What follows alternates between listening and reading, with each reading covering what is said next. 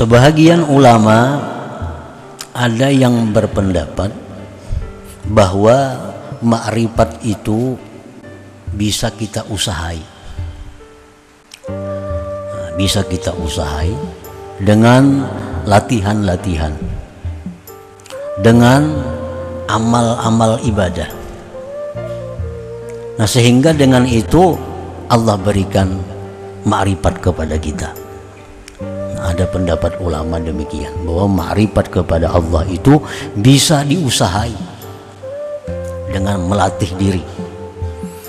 Imam Abdul Qadir Al-Jilani mengatakan wa man arada ay ya'rifallah fala budda min ta'allumil ilmi alladhi yuaddi bihi al-ibadat wa ya'rifa wa ya'rifu bihi sifatin nafs al-batinah wa yuqaddimu qabla al-jami' ma'rifata aqidati ahli sunnah wal jamaah liya'rifa ma yajibu lillah wa malaikati wa rusulih wa ma yastahil wa ma yajuz.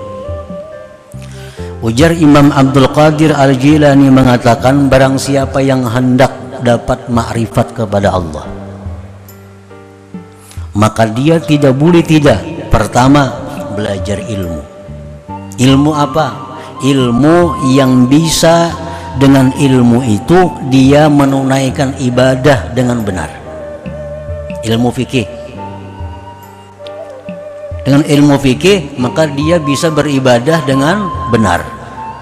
Karena dalam fikih diatur syarat ibadah apa rukunnya apa makruhnya apa sunatnya apa. Belajari itu.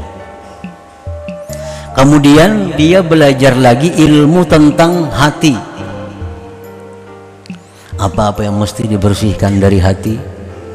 Apa-apa yang mesti diperhiasi hati sifat ini dibuang sifat ini diambil sifat ini dibuang sifat ini diambil. Dan sebelumnya itu terlebih dahulu dia mendahulukan mempelajari meyakini tentang akidah ahlu sunnah wal jamaah. Sifat-sifat yang wajib bagi Allah malaikat dan rasul yang mustahil dan yang harus.